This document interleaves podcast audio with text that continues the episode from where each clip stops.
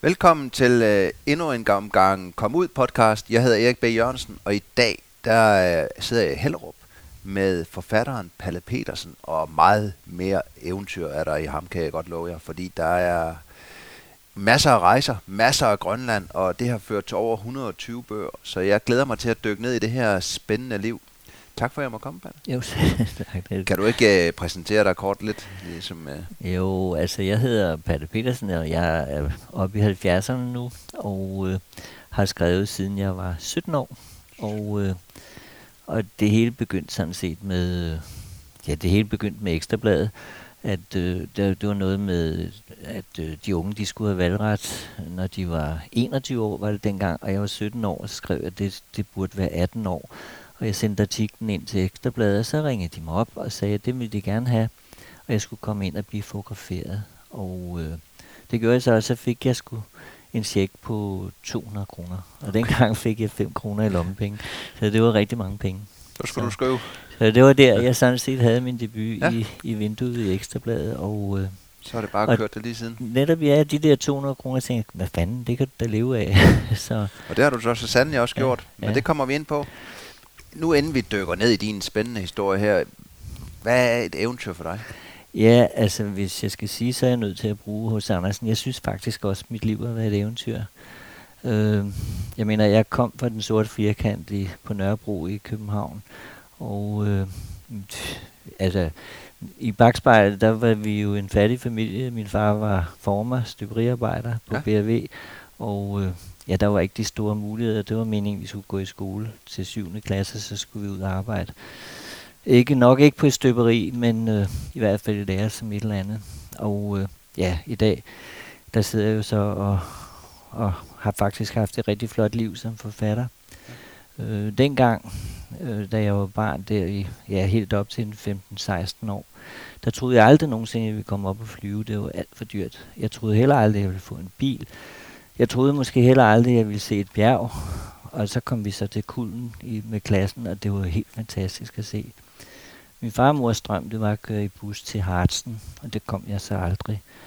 Men øh, ja, så der som omkring 18 år, så var jeg så soldat og, og meldte mig til, til Kyberen, og så kom jeg så ud at flyve.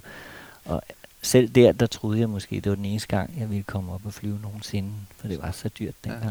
Så som dreng, der, der var masser af drømme ja, om at skulle det var der. Og hvad, altså, og hvad var det, hos Andersen siger, som du siger?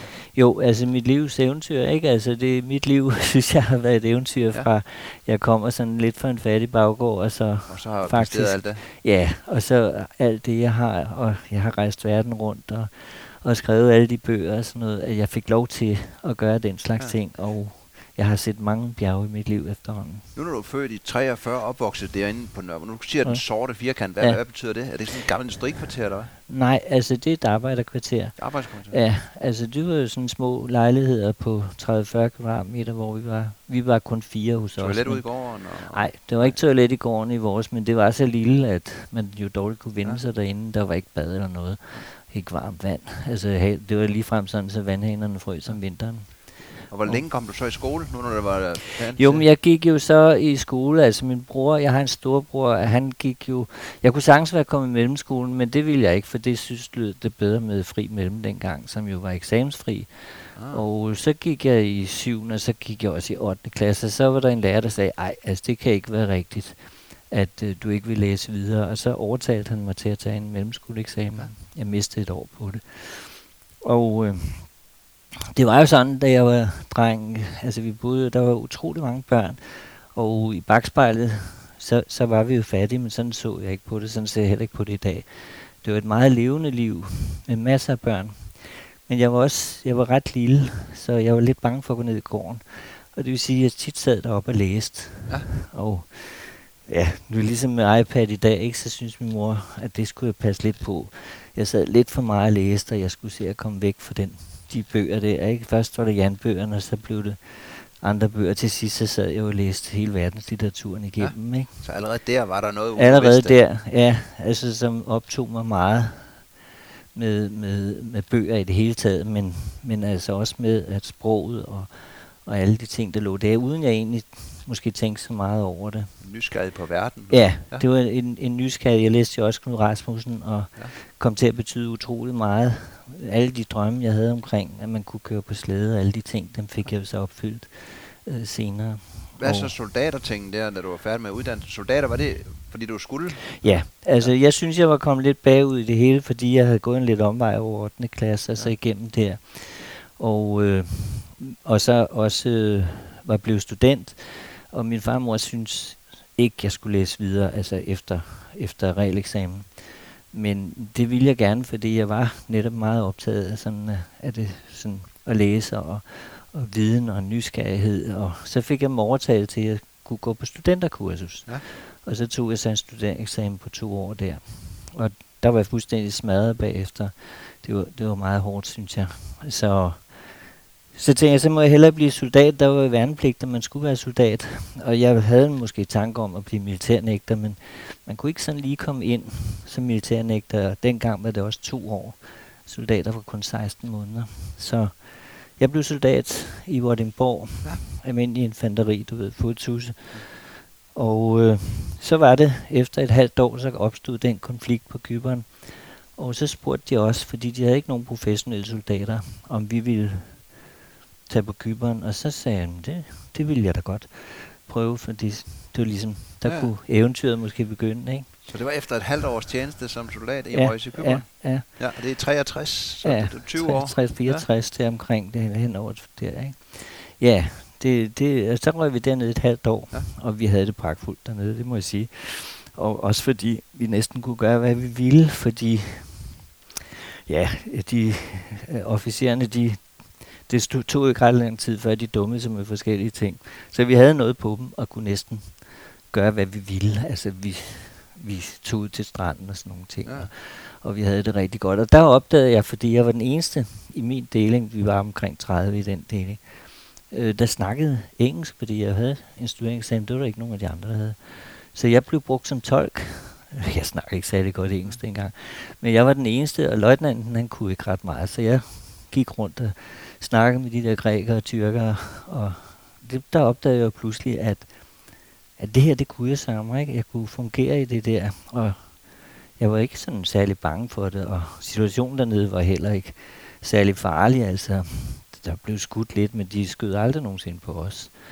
Og ja, så kom vi jo så ud til stranden, og jeg dykkede og prøvede alle de ting. Men vi havde også ferie ind imellem, og der tog jeg så til, til Libanon, og jeg tog til Syrien, og pludselig opdagede, at det kunne jeg sammen også. Ja. Altså bare rejse der, og så så jeg jo Mellemøsten faktisk på den tid, der i, i 60'erne, mens det, ja, i Damaskus, der, sådan som jeg husker det, der redde de alle sammen rundt på æsler. altså, sådan var det jo dengang. Ja. Og, øh, det var virkelig at, det, du har siddet og læst hjemme i dine ja, bøger. og der, der åbnede verden ja. sig for mig på den måde, jeg tænkte, det her, det kan du da sagtens finde ud af. Og det var nok netop det der med kyberen, der gjorde, at jeg fik, jeg fik virkelig lyst til at, at se hele verden. Ja. Fantastisk. Og øh, ja. Så hvor langt var tjenesten? Et halvt år på kyberen? Eller ja, det var et halvt år. Og det var en, den gode årstid, hvor vi, ja. vi lå ved svimmepoolen, og vi lå ved stranden, og og ja, de skød, og, og tyrkerne kom også og bombede, men det var ikke os, de bombede jo, og vi, vi fik bare meget mere fred efter, at de havde bombet, så grækerne tog ikke begyndt at skyde på dem igen. Så der var nogle små episoder der, derude, med, hvor jeg også blev brugt som tøj til, hvor jeg måtte hen og snakke til sine, de der unge mænd, der stod og fægte med gevær, og så sige, kan du ikke lige tage patronerne ud af geværet, for det ser lidt farligt ud, og det gjorde de så, ikke? Og så tog de dem sikkert i igen bagefter. Og hvad så, når du kom hjem derfra? Var du så færdig som soldat? Ja, så var jeg, ja, der var en måned efter, og, og de gik lidt hårdt til os den måned der, fordi jeg var stadigvæk værnepligtig, og de synes, vi skulle straffes lidt, fordi vi havde været lidt, lidt frække, så skiftede de officererne ud, og så kom der nogle andre, der lige skulle vise os, øh, altså, at, at vi skulle opføre os ordentligt. Ja. Øh, og der skete jo så det, at jo netop på grund af de der oprørstendenser, vi havde på Kyberen, så fik jeg nogle rigtig dårlige soldaterpapirer. De kunne hævne os på den måde. Og jeg ville gerne ind til SAS, fordi jeg tænkte, det var sgu sjovt, så fik man set verden og sådan noget. Øh, men de ville ikke have mig på grund af de her dårlige soldaterpapirer. Okay. Så jeg tænkte, hvad skal jeg nu? Og så gik jeg så på seminaret ja. i stedet for. Det sidste, jeg ville være, det var skolelærer, men det blev jeg altså så på tre år, ikke? Hvordan kan du lige være, du så kom Var det det der med at skulle lære fra dig, eller hvad? hvad? Nej, men jeg synes ikke rigtigt, det er det med skole. Men det, jeg har været meget glad for det, for det satte mig jo så i gang med nogle andre ting. Blandt andet så sker der jo så det, at jeg i 68 var færdig som skolelærer, og så det første jeg gjorde, det var at overtale min kone dengang øh, til at øh, flytte med til Grønland. Ja. Og selv i dag, der forstod jeg ikke, at jeg fik hende til det. For det var virkelig nogle primitive beskrivelser, vi fik af det med kulfyre og, og ingen vand, og jeg ved ikke hvad. Og det viste sig at være meget bedre, da vi kom derop. Vi kom til Gudhavn, eller Gregardassuak, som hedder i dag. Og øh, der var jeg så lærer i, i tre år. Og, øh, og øh, allerede på det tidspunkt havde jeg skrevet en masse artikler til forskellige blade. Det mest fik jeg overhovedet igen, men altså, det blev faktisk til en hel del. Og, øh, og så kørte jeg med min slædehund. Jeg fik ret hurtigt hunden op. En af lærerne rejste hjem, og så fik jeg hans hunde.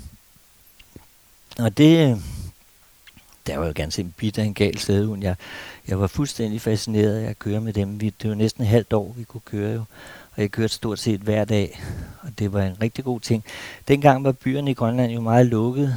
Altså den eneste kommunikation, vi havde, det var jo en radio som, hvor vi kunne høre udsendelser, hvis ellers ikke der var forstyrrelser på solpletter eller sådan noget, hvor udsendelsen ganske forsvandt. Og så havde de en telegrafstation, hvor vi kunne sende rigtig gammeldags telegrammer.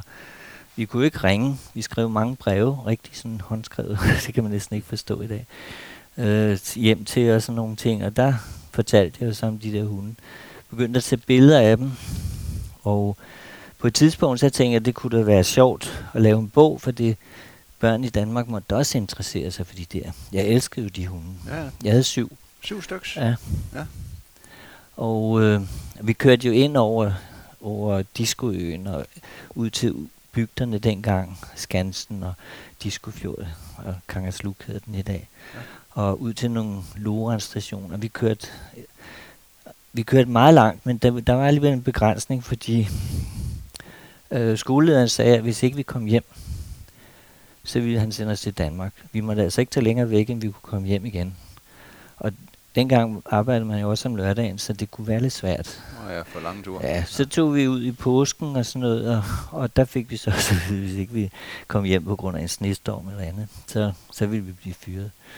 Men det gjorde vi jo så, og det må indrømme, det skræmte os jo lidt. Der var også forskellige begivenheder i Grønland, imens at for eksempel var der en, en vinter, hvor isen frøs til over hele diskobugten. Der var det, der hedder Sasset ude midt i, i diskobugten, hvor alle valerne kommer op i en revne, eller mange hundredvis faktisk, kommer op i en revne øh, for at få luft, ikke? og de presser hinanden op. Og der fik vi at vide, der var Sasset 30 km ud på isen og sådan noget. Det var fint vinter dengang. Og vi fik så at vide fra skolelæreren, at hvis vi kørte derud, øh, så ville vi blive sendt til Danmark. Fordi alle grønlænderne, de, de kørte derud. Og byen var helt tom. Vi var de eneste tilbage i byen, og, og det var ligesom sikkerhed, det var, at vi var de der danske lærer tilbage. hvis der, der, nu, hvis der nu opstod en ildbrand eller noget. Og så, øh, ja, så kom de jo hjem med en masse kød, og, og det var faktisk utrolig flot. Og så blev det endelig weekend. Så tog mig og en af de andre ud for at se, for der lå masser af kød derude stadig. Sådan 30 km ude kørte vi derud. Og vi kunne ikke forstå, at der ikke var andre, at der ikke var nogen grønlænder, der skulle derud. Fordi øh, der lå masser af kød stadigvæk. Og vi stod og hakkede det der kød i stykker, det frosne kød i stykker, og fyldte slæderne med det, og så kørte vi ind. Og så kiggede vi ud næsten morgen, så var isen gået. altså helt ind for land. Og det vidste grønlænderne godt. Og det var bare ikke nogen, der havde sagt noget til os. Jeg har ikke med nogen kørt derud. ja, ja, nej, det, eller de, ja, de burde stoppe os, ikke? Ja. Men sådan nogle episoder var der, og så var der jo så, at jeg havde taget alle de der tusind billeder, tror jeg, diapositiver af, af mine hunde. Og øh, jeg tænkte, nu prøver jeg at sende dem til et forlag, så sendte jeg dem selvfølgelig først til Gyldendal. Jeg tror, jeg sendte dem til fem forlag, og jeg fik dem retur hver gang. Øh, dengang var, var den bog, jeg kom til at lave, der hed Miki, en grønlands slædehund, den var også på omkring måske 100 sider med en masse farvebilleder. Det var meget dyrt dengang at lave bøger i, i farver. Og så spurgte Borgens forlag, om jeg ikke, dog ikke kunne lave den på 20 sider. Nå, tænkte jeg. Så lavede jeg den på 20 sider, og, øh, og så udgav de den. Og den var en hæftet lille, ja, jeg vil sige, det er en lille grim på i dag, men det var så mulighederne dengang med fotografiske bøger. Og, øh, og så solgte den 20.000 i løbet af kort tid. Jeg kom på bestsellerlisten som børnebogsforfatter, og den blev senere, eller hen de næste år, blev den oversat til fem sprog. Og i dag tror jeg, at Miki, en grønlandsk slædehund, er kommet i hen ved 40.000 eksemplarer eller sådan noget. Hold op. Det er så i 71, vi snakker. Ja, det er, det er det. Men ja. den er kommet helt op til... Den sidste udgave er nok kommet i slutningen af 90'erne, ikke? Ja. Den, du, du sad med der. Ja. Og øh, ja, altså, den, den sælger jo ikke mere, men til gengæld får jeg en del bibliotekspenge stadigvæk, for den står på mange skoler og biblioteker stadigvæk. Ja. Og så samtidig lavede jeg nogle hørespil øh, fra Grønland, det ene hed Den Grimme Dansker. Det kan du næsten tænke sig, hvorfor det hed det. Det var til Danmarks Radio, ikke? Og, og, øh, og det handlede selvfølgelig om, at på det tidspunkt, øh, der var... Der, ja, altså jeg synes, folk var lidt på nakken af os, og, og synes, at danskerne ødelagde for meget deroppe. Og det var så i øvrigt en af grunden til, at jeg tog hjem et par år efter, fordi jeg synes, det, det pres blev for stort, for jeg synes, vi gjorde et stort stykke arbejde, og jeg synes, det var lidt utaknemmeligt en gang imellem. Ja. Så Ja, men så var jeg jo blevet forfatter med den der Miki der, og, øh, og så spurgte forlaget om jeg ikke ville lave noget mere. Så lavede jeg en, der hedder Kender du Grønland. Den solgte også i mange oplag. Og så var jeg bare i gang som forfatter. Ja. Og, øh, var det lige snart du kom hjem fra Grønland, du tænkte, nu er du forfatter, eller gik du i gang med noget andet? Ja, nej, nej ikke lige, men jeg var tre år så lærer i Danmark i, i Roskilde øh, Klostermarkskolen hed den. Ja. Og, øh, og, og der var jeg så heldig at komme på Amtscentralen der, det som var meget nyt på det tidspunkt, det der hedder skolecentral, jeg ved ikke hvad de snart hedder, undervisnings et eller andet hedder de i dag, altså dem der samler alle mulige ting, hvor jeg skulle arrangere foredrag og sådan noget. Og der kiggede jeg jo og kiggede både på historiebøger og på andre bøger, og så tænkte der mangler noget her. Altså hvorfor, hvorfor mangler der den type bøger? Sådan noget kan jeg da sagtens lave. Og så begyndte jeg at lave bøger, altså fotografiske billedbøger, hvor jeg selv tog billederne. Ja. Og noget af det, en af de første, jeg lavede efter Grønlandsbøgerne, det var en bog om min far, der hed, han havde jo arbejdet på BRV's støberier i 50 år, så den kom til at hedde 50 år i hjernet. Ja. Og den kom til at betyde meget for mig, fordi jeg havde egentlig ikke snakket med min far. Jeg synes, det var sådan et ret ligegyldigt arbejde, han havde jeg havde ikke spurgt ham om noget. Sådan en dag, det var lidt op i tiden med arbejderfortællinger, ikke? Og så tænkte jeg, nu kunne du spørge, hvad han havde lavet. Og så kom han jo med en lang historie, som fascinerede mig utrolig meget. Og det blev så til den lille billedbog, 50 år i hjernet. Hvornår kom den, kan du huske øh, Ja, den kom i 73. Okay, 73. Så, du, ja. så det er mens du er lærer der på Roskilde? Ja, ja. det var det. Og den fik jeg børnebogsprisen for, mærkværdigvis, men det var noget ret enestående. Jeg tror, det var noget af det første, der kom fra børn om sådan, hvad skal vi sige, arbejder på en rigtig arbejdsplads ja. med mine billeder i og af støberierne og sådan noget. Og der var sådan nogle mærkelige episoder bagefter. TV ville lave noget på det, du ved. Og vi havde aftaler med dem og alt muligt. Og så lige pludselig så sprang fagforeningsmanden på BRV fra fordi han har fået sig en bedre stilling, fordi de ville, de ville ikke have stå ud. og så lavede jeg en tv-udsendelse i øvrigt med 50 år i hjernen. Alligevel på min dias, jeg havde taget en masse dias i, i 6-6 dias, og der lavede jeg så en, en times udsendelse, som blev rimelig omtalt på det tidspunkt. Du har fået lov til at lave billeder derude jo. Jamen det havde jeg, ja, altså. men det var der ingen, der havde tænkt over. Nej. No. Overhovedet, jeg havde heller ikke spurgt om lov. Nej, nej.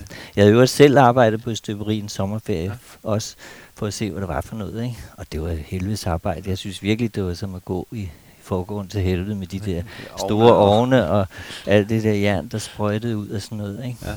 Men den bog kom til at betyde utrolig meget for mig, fordi ikke så meget måske bogen, men, men øh, den, jeg fandt ligesom ud af, hvad mine rødder var, hvor jeg var kommet fra. Og jeg begyndte også at undersøge, hvor jeg var kommet fra. Du ved, jeg stammer fra nogle bønder op i Frederiksværk. Nogle af de unge bondesønner, de, øh, kunne ikke arbejde ved landbruget, så de kom op på Frederiksværk stålvaskeværk. Ah, det er det Og, og ja, altså de var støveriarbejdere 3-4 led tilbage i min slægt, ikke? Og så var det, da jeg skulle begynde at lave historiebøger, fordi jeg havde også været med til nogle udgravninger af en gravhøj oppe ved Kalundborg, og det havde fascineret mig meget. Så tænkte jeg, så laver det en, der hedder Her i historien oldtiden. Og allerede der begyndte jeg at tænke på, at hvis jeg skulle lave nogle flere historiebøger, det endte med 10 historiebøger i øvrigt, ikke? helt op til vores tid. Den sidste, den, det er atomtid, fremtid, hedder den. Øh, her i historien atomtid, fremtid. Hvis du skal lave sådan, så skal det være for, om almindelige mennesker. Det skal ikke være kongernes historie, det skal være alt muligt. Og det skyldes helt tilbage 50 år i hjernet, og det der med, hvad er mine rødder? Og så ligesom, synes jeg, det var sjovt at, at finde dem lidt i historien på en lidt populær måde, selvfølgelig. Ja. Ikke? Så også når det bliver populært, og folk vil læse dem, så ja, er det jo... Ja, det, de, solgte, de solgte utrolig godt. Ja. Øh, det var virkelig, jeg, jeg tjente rigtig, rigtig mange penge. Jeg tænkte så mange til penge, så hvis jeg ville lave et billede, da jeg senere begyndte at rejse og lave bøger udefra, så tog jeg bare til USA, og så tog jeg de der billeder, og så brugte jeg måske et eller to i bogen. Det var virkelig mange. Jeg tjente rigtig meget på det. Og det er så der, jeg begynder at rejse for alvor. Ja. Egentlig er anledningen jeg rejste en del i Mellemøsten, der kom ikke rigtig noget ud af det. Jeg synes, det var spændende, og det var da noget helt anderledes. Men så sker der det, ja, kan jo lige så godt få med, at, øh, at vi mistede et barn. Ja. Øh, hun var to år, og, og det var en frygtelig begivenhed. Og så besluttede mig og min tidligere kone, at vi ville adoptere et barn, for det ligesom gav mening. Og så, at, så fik vi meget hurtigt, fordi jeg havde forbindelser til UNICEF, og, og, og ja, Danite, jeg fik stipendier, lige snart jeg fik børnebogsprisen, fik jeg stipendier til at rejse. Og alt, hvad jeg ville næsten, ikke? Fra Danita sådan noget til Ulanden. Og så sagde jeg, Nå, okay, så tager jeg til Bangladesh, og så, så henter jeg hende. Og så samtidig kunne jeg lave nogle ting. Og det gjorde I? Det gjorde jeg selv. Ja, i 75? Eller hvad det? Ja, i ja. 75, ja. ja. Og det er så der, jeg kommer ud i Bangladesh og får mit livs største chok, ikke? fordi og det er så en del af eventyret, som er den tragiske del, og samtidig øh, måske den med, med en masse håb i, ikke? Hvor jeg så står med min pige derude, eller det gør jeg faktisk ikke. Jeg kommer allerede i lufthavnen, og det siger de, ja, vi har jo altså hende til dig. Og det er jo meget godt, men det ser ikke ud, som om hun overlever, så får du bare en anden. For vi har et pas på hende, og så kan du bare, så finder vi bare ud af en anden, der bare ligner lidt, ikke? Og det gav mig altså virkelig chok. Og det viste sig meget hurtigt også, fordi jeg var sammen med UNICEF. Og det var jo der ikke så mange år efter selve borgerkrigen derude, at de store flygtningelejre, jeg gik rundt i, hvor forholdene var elendige, ikke? og det, de sad i små telte, og det regnede, og små børn med små maver og sådan noget, altså, som vi også ser sådan nogle ting, ikke? Altså, hvor vi gik der, og hvor jeg sagde, dem der, de overlevede der ikke tre måneder, for de havde jo også alle mulige sygdomme, som de kunne få. Ikke? Og samtidig med min datter, jeg stod jeg der, og øh, der skete jo så det, at øh, hun vejede tre kilo, hun var et halvt år. Ikke? Og, og, ja, og så pludselig en dag havde hun tabt 200-300 gram. Og det var en dansk sygeplejerske, hun sagde, hvis hun nu kommer på hospitalet, så så er det fordi, hun skal dø, fordi det er meget lettere for mig med papirerne. Så var hun pludselig en dag på hospitalet, og hun var væk. Og jeg sad fem timer og ventede, jeg tænkte, det var, det var ganske simpelt. Nu havde jeg ligesom, det var, det var rædselsfuldt, ikke? Og så kom hun tilbage med en, så hun kom kun tilbage, fordi at, at du er her. Ikke? Fordi jeg er godt klar over, hvad jeg satte i gang hos dig. Og så satte vi os så til at, at give hende en slange ned i halsen og pumpede mad ned i maven på hende øh, for at få hende op i, i vægt, og vi tænkte, hun døde nok, hun havde nok diarré. Hun havde også en masse koppesår. Øh, hun havde vaccineret, der var kopper derude dengang. Og vi synes, det var rimelig håbløst. Men det gik faktisk fremad en uge, så gik der næsten 10-12 dage, og så, begyndte vi at forhøre personalet, hvad fanden der var sket her. Og så viste det sig, at noget børnemælk, jeg havde taget med fra Danmark, som hun skulle have, også et par andre, at det havde de slet ikke givet hende. De havde givet det til deres egne børn. Så hun havde slet ikke fået noget. Det var rent væsketab, hun havde haft. Og så gik det bare frem, at der er en længere historie der, som der er ingen grund til. Men der kommer også nogen fra Danmark ud, en læge derud og siger, at hende får der ikke lov til at tage med hjem. Fordi det er alt for farligt. Og så siger den, sendte vi hende ud på et malnutrition center med udsultede børn. Og så siger hun, okay, hvis det går godt de næste tre uger, så kan du tage hende med hjem.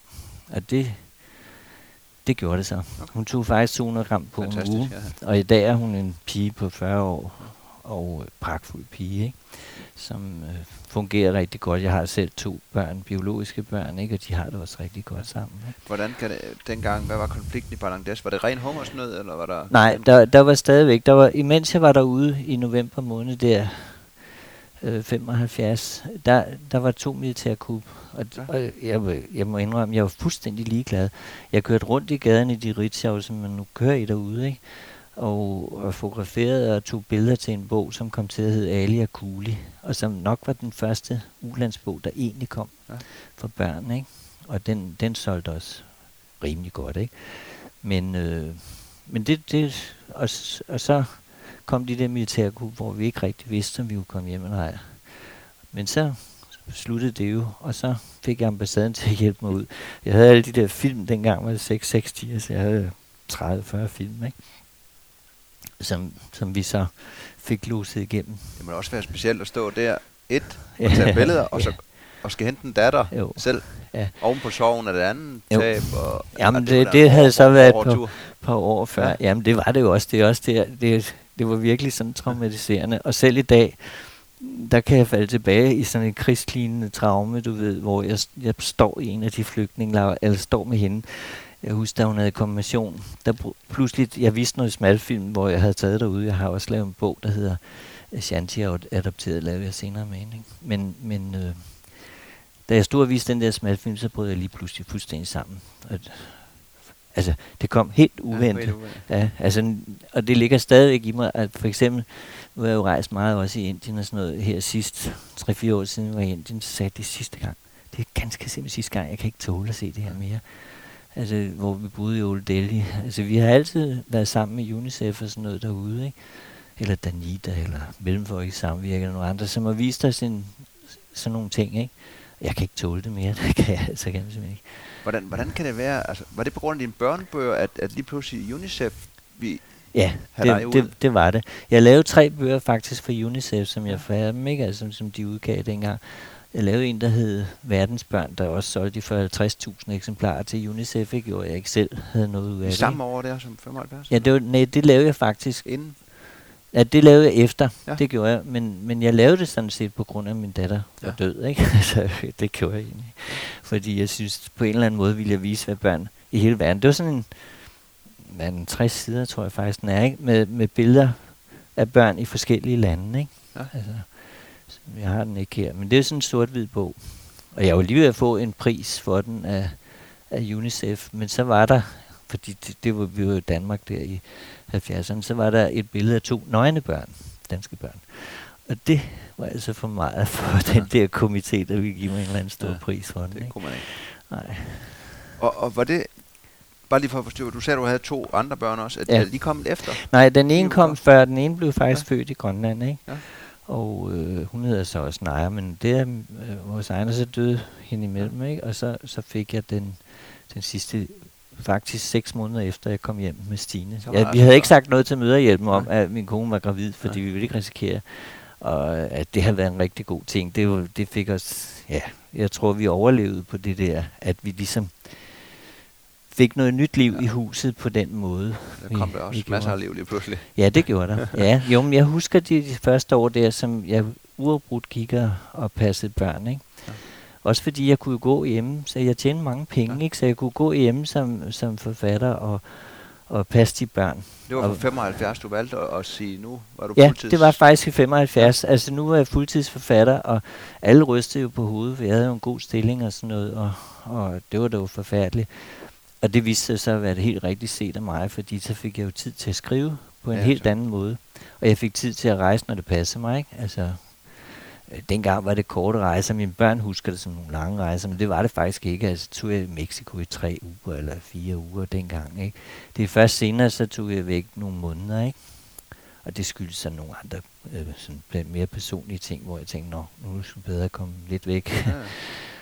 og øh, blandt andet tog jeg, tog jeg jorden rundt, ikke? Og, og tænkte, nu skulle jeg ligesom prøve det.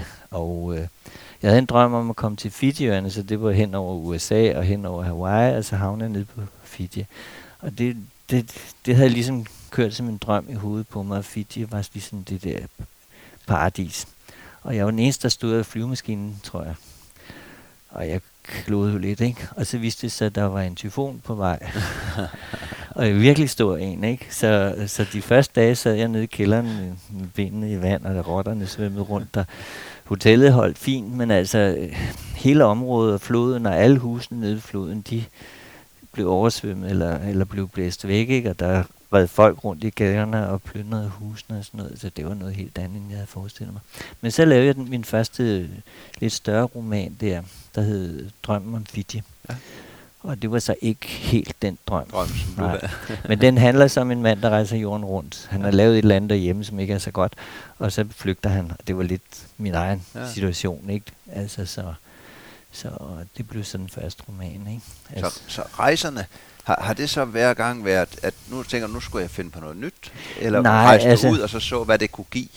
Nej, altså det, det, jeg, det gør jeg sådan set lidt stadigvæk. Jeg kiggede på landkortet og sagde, hvor kunne du tænke dig at tage hen? Ikke? Altså, og, øh, og jeg kunne sådan set bare tage hen, hvor jeg ville, og hvis jeg synes, der var et eller andet, der var spændende, så skulle jeg tage der. Jeg lavede jo, altså fra, fra Bangladesh lavede jeg flere bøger, og, og har også været der flere gange, og jeg må indrømme, at jeg havde at komme derud. Altså, og jeg, jeg var derude med min datter, altså min datter fra Bangladesh, da hun var 18 år. Og det var også øh, et kæmpe chok for hende. Ja. Og i dag, der vil hun, hun kunne ikke drømme om at tage derud, og hendes børn skal i hvert fald ikke derud. Så det, det er virkelig, ja. virkelig slemt. Ikke? Men der rejste jeg så, og, og rejste jo øh, jeg rejste igennem Kina, og igennem, altså en af de andre rejser efter jorden rundt, det var gennem Kina, ned gennem Tibet, og ned i Nepal, og så ned i Indien, og så hjem derfra. To og en halv måned eller sådan noget ja. rejste jeg der. Er det også der i 70'erne? Nej, der er vi, der er vi helt oppe i 80'erne i hvert fald. Ja. ja, vi er nok nærmere i ja, sent i 80'erne. Ja. Men der havde jeg så rejst andre steder hen også. I, jeg havde været flere gange i Libanon, og sådan, de rejste de der små steder. Det synes jeg efterhånden var ret hyggeligt, fordi at den der rejsesfulde oplevelse, jeg havde i Bangladesh, øh, det, det var virkelig med til at slå mig ud. Så mellem for samme virke spurgte også, om jeg ville lave en bog om nogle tegninger, nogle børn havde lavet sammen. Ja, så tog jeg derned. Ja. Og øh, det var så første gang, jeg rigtig var i, i Afrika. Og og jeg var også i, ja, så besluttede jeg mig til også, i, inden de der store ting skete, at jeg ville lave en bog om alle de danske kolonier. Altså tropekolonierne i første omgang. Ikke? Ja. Og der tog jeg så til Ghana, og det var også en, en, en lidt rystende oplevelse, fordi der var meget fattigdom på det tidspunkt. Folk stod i lange køer bare for at købe et stykke håndsæbe, og man kunne man skulle ikke drømme om at komme op i en bus, fordi de var altid fuldstændig overfyldt. Der skulle man stå i kø flere timer før. Så jeg tog på tomfingeren rundt i, i Ghana. Og det gik faktisk meget godt, fordi hver gang der kom nogen hvide forbi i en bil, så synes det var synd, jeg stod derude i vejkanten. Så kom jeg med, og på den måde kom jeg meget rundt og fik set ja. de danske, og fik taget billeder af dem derude. Jeg var ved at blive arresteret, da jeg prøvede at tage et billede af Christiansborg, som jo var guvernørpaladset ja. på det tidspunkt. Og, øh, og det var, det var sådan en fin oplevelse. Hvorfor var de, kunne de ikke lide, at du tog billeder af det? Jamen, det var forbudt. Jamen, det kan du næsten tænke dig. Altså, af sikkerhedsgrunden var det ganske simpelthen forbudt. Altså, sådan er det også mange steder i dag. Der er mange steder, du ikke må fotografere ja. ude i verden, ikke? Og sådan var det dengang. Og det, det var sådan, så jeg havde sådan en rolleflex, man kan holde nede på maven, ikke? Så man kigger ned i det. Så, så jeg kunne tage rimelig ubemærket billeder, men det så de altså, ikke? Da de kom farne over mig. Og der var det eneste at gøre, det var jo at spille dum turist, ikke? Og så begynder at gå væk øh, fra dem, ikke? Og de råbte, om de ville tilkalde politi, og jeg ved ikke hvad. Men øh, det lykkedes mig at komme væk. Og øh, jeg var godt nok lidt forskrækket, også da jeg skulle i lufthavnen, for jeg, jeg vidste, de havde nogle ting på mig, ikke? Men altså, jeg slap pænt ud af det igen, ikke? Og så tog jeg til Trankebar. Øh, jeg var, jeg var, jeg var så i Ghana, og jeg, jeg tog også til Dansk Vestindien så, ikke? For, ligesom slaverne også, ikke? Og der lavede så også en bog, der hedder Danskernes Slaver. Den har jo været meget populær i år, fordi de har jo jubilæet ja, med 100 års jubilæet for Dansk Vestindien hvor de solgte det. Ikke? Og der interviewede så de danskere derude, og det var en, altså de danskere, som havde oplevet 1917. Der var en familie, Levets familie derude, øh, tre brødre, som havde oplevet de ting. Og det lavede så nogle radioudsendelser om og sådan noget. Ikke? Og så lavede så en, og jeg lavede faktisk to bøger om de danske kolonier. En, der hedder Danskernes, her i historien Danskernes kolonier, den anden, der hedder Kender du danskernes kolonier? Ja, ja. Dem har jeg så ikke her. Men, øh, og, og det, var, det, de gik sådan rimelig godt. Og hvad var nysgerrigheden ved det? Var det bare et tilfælde, du har hørt om det? Eller hvad? Nej, men jeg synes, at, nej, men det var den her historieserie, jeg lavede, ikke? der hed Her historien. Det, der lavede jeg så om oldtiden, og så middelalderen, vikingetiden, og gik op i tid, ikke? Og, og de franske revolutioner og sådan noget. Og på et tidspunkt, så siger jeg, ligesom mangler den der øh, fornemmelse af, der var også noget, der hed en kolonitid. Ja. Den var glemt på den tid her, ikke? Ja, der var faktisk ikke ret meget, og, og det var nok også en af de bøger, der solgte dårligst af den der historieserie. Det var den, og det undrede mig sådan set meget, for jeg synes, og det synes jeg stadigvæk, at med udgangspunkt i kolonierne, der får man en, et godt udsyn over verden, ikke? Altså hvor vi selv kan identificere os som danskere, ikke? Så får man ligesom en fornemmelse af, hvad fanden var det, vi lavede ude i verden dengang med vores kolonier? Hvad var det, vi var ude på? Hvad, hvad var det egentlig også, vi danskere gjorde, ikke? Ja. Og hele det verdensbillede, der er på det tidspunkt. Det er det. Med udgangspunkt, det er jo, det er jo det, den verden, vi kender i dag, er jo udsprunget af kolonitiden ja. på en eller anden måde. Og øh, ja, så tog jeg så til Trankebar også, og, og, og, og boede derude i seks uger. Og jeg havde set forkert på, på kortet, så jeg havnede derude i regntiden. og det var altså, det gav mig faktisk en anden vision, for jeg kunne ikke rigtig forstå, hvorfor folk dengang, altså danskerne derude, de, de havde at bo derude. Øh, og det kan jeg altså godt forstå, når man oplever regntiden derude. Det var noget frygteligt noget. Jeg gik jo med bare til at ligesom inderne, fordi det, det, var, kunne ikke hjælpe noget til sko på og sådan nogle ting. Og gik rundt der. Og så fandt jeg jo så den historie, som af en eller anden mystisk grund egentlig ikke er, jeg tror ikke andre har skrevet om den. Øh, alle kender jo Torgild Hansens historie om Jens Munk, der rejste op for at finde øh, Nordvestpassagen, ikke? og som endte helt lidt af en katastrofe. I hvert fald øh, kom der ikke noget ud af det. Men samtidig i, i 1620, der sendte Christian 4 en anden ekspedition ud, som, som skulle finde vejen til Indien, den rigtige vej, kan man sige, Sydamerica, ikke? Og det var en ung adelsmand, der hed Ugede, som, som var 23 år og stort set kun havde sejlet over Storbælt, som anførte den ekspedition. Og den kom til at veje tre år. To med landet år og kom til Indien, og det var en rejselsfuld rejse. Ugede skrev selv dagbøger, men det er jo igen, altså han skrev jo for at ligesom uh, reklamere for sig selv og sine egne resultater. Så er det rejselsfuldt på grund af dødsfald, eller hvad? Ja, eller? ja halvdelen døde. Altså halvdelen døde, inden de nåede Indien, ikke? Altså vi snakker om 300-400, der døde på de tre skibe, det han har sendt derud, ikke? Og, øh, og det hele endte jo kaotisk, fordi det var meningen, troede Christian 4, at han havde sluttet via en hollænder havde sluttet traktat med, med kejseren på, på Ceylon, at det er Sri Lanka i dag. Ikke? Og da de kommer derud, så tror de jo sådan set det der, da de endelig kommer derud, ikke? hvor hollænderne jo er død. Ikke? Men øh, så tror de jo det der, og det viser sig så, at der er altså ikke en kejser på Ceylon, der er ni konger, og øh, de er langt overlegne for danskerne. De er meget rigere, og de har mange flere elefanter og sådan nogle kampelefanter, og i det hele taget Øh, så det, altså Ugede sidder og kigger på det der, og ja, han siger, at, at ham der kongen, han så er i forbindelse med, at kongen er Candy, han har 365 kroner, og så har han store skatkister, og de er virkelig imponeret af, at det er virkelig den omvendte billede af, hvad vi har af Indien i dag, hvor danskerne er dybt underlegne. Og øh, det ender selvfølgelig med, at de nærmest bliver smidt ud af, af sejleren. Og så sejler de over til fastlandet, hvor en anden hollænder har forbindelse med, med en, en Nike, hedder det derovre, sådan en småkong eller høvding, hvad du kan kalde ham. Og, øh, og han siger, jamen altså, okay, de kan lege den der lille fiskerleje, for det er virkelig et lille fiskerleje, der hedder Trankebar. Og så, de kan lege den, vil jeg mærke. Der er slet ikke tale om, at de erobrer den. Det, det, de kommer til at betale 12 kanoner for at få lov til at, at handle derfra. Ikke? Og så ja, der sker mange ting der. og det, det spændende der, synes jeg, er kultursammenstødet mellem Danmark og Indien, som er næsten modsat det, vi kender i dag. Ikke? Men det ender så med, at han sejler hjem, for han har ingen penge til rigtig at købe noget, og de vil ikke forære noget. Så det er noget, stort set en ladning ris, han sejler hjem med. Og så, ja, han bliver jo senere rigsadmiral ugivet, ikke? Men øh, det er jo en begrænset succes, fordi det danske flag er altså hejst derude, ikke? Og de senere år, der går det, det er ved at gå rent galt. På et tidspunkt er der kun én dansker derude i, i nogle af 20 år, fordi der er krig i Danmark, så de har ikke tid til at sende skib derude, eller ikke råd til det.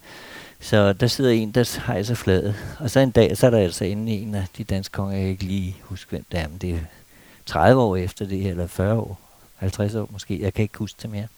Men så, det, så sender han sig et skib derud. Og stadigvæk, så får de at vide, ja, altså I kan lege det her, I må betale så og så meget. Og da de så i første omgang siger nej, så påstår de i hvert fald, dem der fortæller om historien, at der bliver sat 20-30.000 mand, altså ind der op med krigselefanter og siger, hvis ikke I betaler, og så betaler de altså ikke. Så de er virkelig underlegne. Ja. Det er først meget senere, at, at, øh, at de hvide virkelig får overtaget i Indien. Ikke? Ja. Det er helt anderledes, end ja. man måske tror. Og det der, der har jeg så været ude tre gange også for at også til billeder selvfølgelig, men og den sidste roman, jeg nu arbejder med, en, en stor historisk roman, øh, den, den ligger lidt tæt op af den, jeg lavede dengang. Den hed Rejsen til Paradis. Ja. For man troede, at Paradis lå på Sri Lanka. Hvad man stadigvæk har en fornemmelse af, fordi de har et bjerg, der hedder Adams, bjerg, Adams Peak hedder den, ikke? Ja. Og derop der er et fodaftryk, og det mener man, at der, hvor hvor Adam han landede, da han blev smidt ud af paradis. Altså, det fodaftryk. Så er der hinduer, der siger, at det er Shivas fodaftryk, og, og muslimer har vist også et eller andet, de siger. Altså alle, men det er meget helligt bjerg, selv den dag i dag. Og det var Christian Fjerstrøm, han var meget troende, ikke? han var virkelig bange, at han, han ligesom der kunne få en plads ind i paradis. Ja. Ikke? Altså, det blev så lidt af en katastrofe, som alligevel endte med, at man fik den koloni. Ikke? Ja. Men det var så et af de der eventyr. Er det dernede, man bygger det store fort? Ja, man er ved at, nej, men det er bygget. Altså, det, det låter jo også, at ja. det har ligget der altid, eller siden 1620'erne. Det er inderne, der har bygget det, men UGD, der har ligesom bestilt det, ikke? Det og det hedder Dansborg. Ja. Og, og de er ved at restaurere meget dernede i øjeblikket. Der er noget, der hedder en trankbar forening, som også har fået store tilskud fra Danida til at arbejde dernede. Der har også været en trankbar mission, som egentlig er det mest berømte af det hele, øh, den første protestantiske mission, som, som, øh, øh, ja, som, som var ulandsbevidste. Altså, de gjorde noget for de fattige. Det gjorde portugiserne og Spanien jo ikke. Altså, men de her, de forsøger virkelig at tage fat i den fattige del af befolkningen. Ikke? Og de, de får så også en menighed dernede, som stort set ser ud til kun kommer, fordi de jo får noget at spise, når ah, de kommer. Ikke? Men, men det er Trankebar Missionen, som også øh, får lavet en bibel på, på sproget dernede. Ja. Tamil, tror jeg det er. Uh, og, uh, og som stadigvæk har deres store kirker. Uh, New Jerusalem Kirke for eksempel. Altså hvor de der trankebare missionærer, Sigenbald og sådan noget, det er sådan nogle herren hutter. Og det er jo så en anden del af historien, ikke? hvor Frederik den 4. han gifter sig, han kidnapper sin dronning, som er jo den eneste borgerlige dronning i Danmark, og gifter sig med hende, og alle deres børn dør, og han får så stor skyld, så han sætter en missionær, eller missionær til Trankebar, men også til Grønland, det er hans side, der kommer til Grønland på det tidspunkt. På grund af, at han håber på at få et bedre forhold til Gud. Ikke? altså, grunden til vores missionsvirksomhed der, det er uh, skyldskomplekser ja. hos, hos Frederik den 4. Ikke?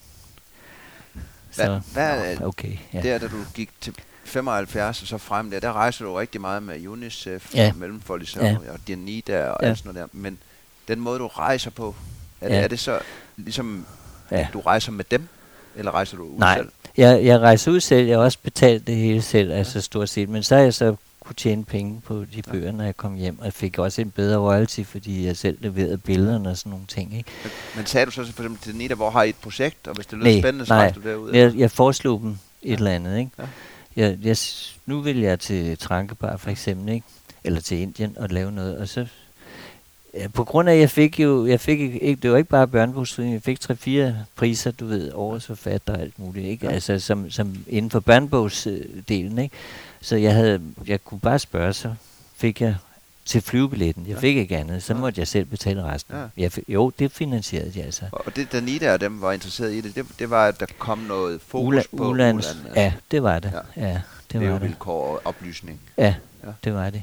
Og UNICEF, det, det var, der kom jeg bare ind og, og i første omgang, jeg kan dårligt huske, hvordan det startede, men muligvis bare, at jeg har givet dem nogle billeder, ikke? og så vi kom til at snakke om det, så, sagde jeg, "Men så kan jeg da lave nogle bøger for jer også, fordi at jeg synes jo, det var UNICEF, altså det var sådan noget, jeg kunne ja. så, ikke? Og så lavede jeg nogle bøger, og især den ene af dem blev meget stor, ikke? Det UNICEF gerne vil have ud af det, det var, at der kom noget fokus ja. På de områder, hvor de arbejder. Ja, men, men i alle de 30 år, der næsten er gået, Ja. der har jeg, hver gang jeg har været ude at rejse, har jeg altid haft nogle UNICEF-kontakter, når jeg kom ud. Og det vil sige, at de har hjulpet mig øh, måske kun to-tre dage, hvor de har kørt rundt og vist deres projekter. Ja. Og så har jeg skrevet om dem i nogle artikler, eller i radioen har jeg lige nævnt det i hvert fald. Og, og øh, jeg har fået taget nogle billeder, hvor de også fik nogen, ikke? Og så har jeg brugt nogle i de bøger, jeg så lavede på det tidspunkt, ikke? Jo, de har været rigtig gode, og sidst var det på Filippinerne, det er ikke mere end, end to år siden, ikke? hvor vi var ude at se hospitaler og sådan noget, og, og, og ligesom få fornemmelsen at kunne skrive om det, ikke? og sådan formidle ja. nogle, af, nogle af de ting, de lavede. Ikke? I dagbladet eller, eller i, øh, i de der forskellige skoleblade, der kan være. Ikke? Altså, der, der er jeg så lavet artikler, det gør jeg så stadigvæk. Ja. Men, men selve bøgerne, som jeg lavede, jeg har nok lavet mellem 40 og 50 af de der farveillustrerede bøger om børn i andre lande, øh, at de, de finansierede lidt sig selv, ikke? Altså, øh, Hvordan den måde, du rejste ud på, så dengang var det... Ja. Var, læste du historie hjemmefra, og så bare rejste ud? Eller? Faktisk ikke, nej. Altså, jeg gjorde tit det, at jeg synes, jeg skulle opleve tingene spontant. Ja. For, for at undgå at, at have nogle billeder ind i hovedet, som måske ikke passer, eller som jeg ville prøve at presse sammen. Så tit rejste jeg ud, men de, dengang var det altid med, med rygsæk, og jeg boede de dårligste steder. For det, det synes jeg var en del af det. Det generer ikke mig. Nu når jeg rejser med min kone nu, så rejser vi lidt bedre. Men hun, hun synes, der skal være et toilet på værelset. men, men dengang rejste jeg jo i Indien for 5 kroner eller sådan noget. Jeg, jeg synes jo, det var der, jeg oplevede allermest. Ikke? Så fløj du simpelthen bare derned og gik ud af flyveren med en rygsæk, og Ja. så begyndte du bare at Det, rejse rundt? det, det har jeg gjort Ja. mange gange, og meget tit har det først, dengang, der var det sådan, det ikke altid, jeg havde noget hotel eller noget. Da jeg rejste gennem Kina der, den, der for 25 år siden, det var altså frygtelig besværligt, fordi altså, der var jo ikke nogen rigtige turister, og, når man kom på en togstation, så blev man stillet op i en kø, der var 3 km lang, ikke? Og så kom der, i bedste fald, kom der en, der kunne snakke engelsk, ikke? Fordi ellers så kunne jeg ikke købe en billet, fordi de vidste ikke, hvad det var øh, hvad det var, jeg ville have. Og, og man måtte jo forberede sig næsten, når man kom til et sted, jeg rejste hele vejen gennem Kina, over til Chengdu og så derfra til Tibet. Når man kom til et sted, så måtte man en uge før, man begynder at forberede, hvordan kommer du derhen, og hvad kan du gøre, når du kommer derhen? Altså, det var virkelig besværligt. I dag er det jo, Ja, er det jo let, ikke? ja. Altså, man kan bare gå ind på internettet og få en billet, ikke? Hvor længe rejste du i Kina? Ja, det er, det, er, i selve Kina var jeg nok en måned. Ja. Og, så- og så som sagt var det en tur, der gik igennem Tibet, Nepal. og så ned i Nepal, ja. og så ned i Indien. Var det første gang, du var i Nepal også? Nej, det var ikke første gang. Nej. Jeg har været i Nepal fire gange. jeg og ved, du har været der en masse gange. Ja, og her sidste gang var jeg jo for næsten to år siden, hvor det var under det store jordskælv, ja. ikke? Og det var jo... Altså, jeg synes, Nepal er et af de mest spændende lande. Altså, jeg lavede også en lille bog der, der hed Babu og Hindu. Ja. Men det har altså ikke været nogen stor bog. Men også om, omkring en, en hindudreng ja. i, i Nepal, ikke? Så... Hvad, øh, Kina den gang må have været altså, Ja, meget, meget anderledes. Var det, var det meget, stadigvæk meget kommunistisk-agtigt? Øh, Hvordan følte du, hvor det var? Eller var Nej, altså jeg følte ikke, der var meget, der var meget kontrol. Nej. Det, det synes jeg ikke. Bortset fra, at jeg oplevede for eksempel, at, at min vægud i min kuffert var blevet skilt ad i 100 dele, så de må have været nede i min bagage, Ja. når jeg skulle flyve og sådan noget. Ikke? Og, og så en af de ting, der stadigvæk står meget for mig, også når jeg ser billeder fra Kina i dag, det var, at dengang var det cykler og cykler og cykler. Det var ganske simpelt som at se en kæmpe stige med sild, ikke? Altså, man, sådan var det. Altså, det var cykler det hele. Ja. Altså, der var der taxaer og sådan noget, ikke? Men, men øh, ikke, stort set ingen privatbiler Nej. eller noget. Og jeg synes ikke, det var meget kommunistisk. Altså, det, det var en af de ting, der undrede mig. Jeg havde også troet, at jeg ville blive mere overvåget. Jeg, jeg sejlede, jeg kan huske, at jeg sejlede alene på, på Yangtze-floden. Dengang var der jo ikke nogen dæmninger. At der var et levende liv derude, og nu, da vi var derude her sidst for en 5-6 år siden, der var ikke noget liv mere. At den var forurenet, og den var ødelagt, og der var kun turistbåde. Dengang var der fiskerbåde, hvor de havde net ude til skildpadder og fisk, og jeg ved ikke hvad, ikke? Og jeg kan huske, at jeg sad på den båd. Jeg var den eneste hvide ombord, og jeg havde en kikkert med. Og så, der sidder jeg så op på dækket, og så kom alle sammen, og de ville kigge i kikkert. Altså, de havde aldrig kigget en kigger før. Og de, nogle af dem vendte den forkerte vej og sådan noget. Det var virkelig meget. Og så, altså, når jeg sad i toget, det var også, altså, altså jeg sad i de der tredje klasse, eller hvad det var. Og, og så spyttede de hele tiden. Altså, de spyttede og spyttede, ikke?